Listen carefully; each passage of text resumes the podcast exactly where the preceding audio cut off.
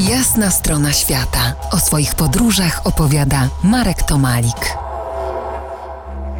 Dziś opowiadam o Savannah Way. Trasie mojej ostatniej wyprawy na przełomie sierpnia i września. Podróżowaliśmy samochodem z napędem na cztery koła po bezdrożach pustynnej północy Australii, ale stosunkowo blisko wód morskich.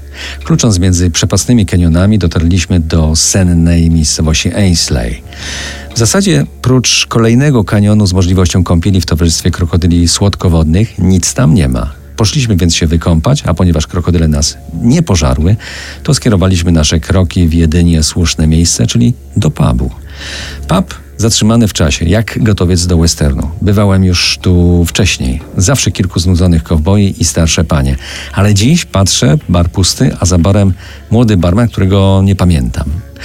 Zamówiliśmy po piwie i do tego po pai. Paja to australijski odpowiednik naszego hot doga, taka babeczka pieróg z nadzieniem z gulaszu wołowego. Ani dobre, ani złe, jak to fast food. Barman wyglądał na bardzo nieszczęśliwego, że zakłóciliśmy błogi spokój i z wyraźną niechęcią nalewał kolejne piwa. Gdzie śpicie? zapytał. Mam upatrzony taki dziki kemping za rzeką, odpowiedziałem. A po cholerę tam pojedziecie? Tu śpijcie. U mnie, na podwórku. Dziś jest party kowbojskie, zapraszam całą waszą załogę.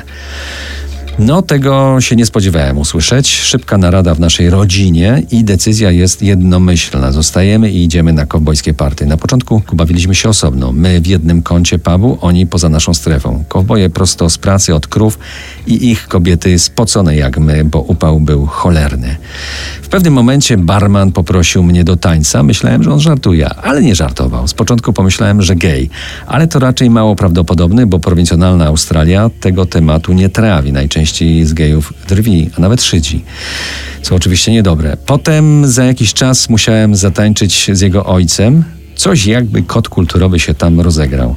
A potem pokazałem mu pasek od spodni, a był to kultowy pas kowbojski z dwoma sprzączkami. Kazał mi go ściągnąć i położyć na barze. Po czym ściągnął swój pas i spiął oba pasy w obręcz. I powiedział, teraz będziemy działać w parterze. Zawołał na jednego z kowboi i sparował go ze mną. Nałożył nam obręcz z pasów na głowy, gestem ręki pokazał linię na ziemi i rzeczywiście w tak zwanym parterze, podpierając się rękami, każdy ciągnął swoją stronę. Niestety przegrałem. Miałem złą technikę za tym pierwszym razem, ale i przeciwnik kowboj miał straszną parę w łapach. Zaproponowałem, że spróbuję Ania z naszej załogi z Australijką. I Ania obroniła nasz honor, dwukrotnie przeciągnęła kowbojkę, i po tym incydencie zyskaliśmy w ich oczach niepomierne zaufanie. Już nie bawiliśmy się w podgrupach, tylko razem. I to jest efekt dobrej fali, dobrej energii w załodze. Nawiążę do tego w kolejnej odsłonie jasnej strony świata. To jest jasna strona świata w RMF Classic.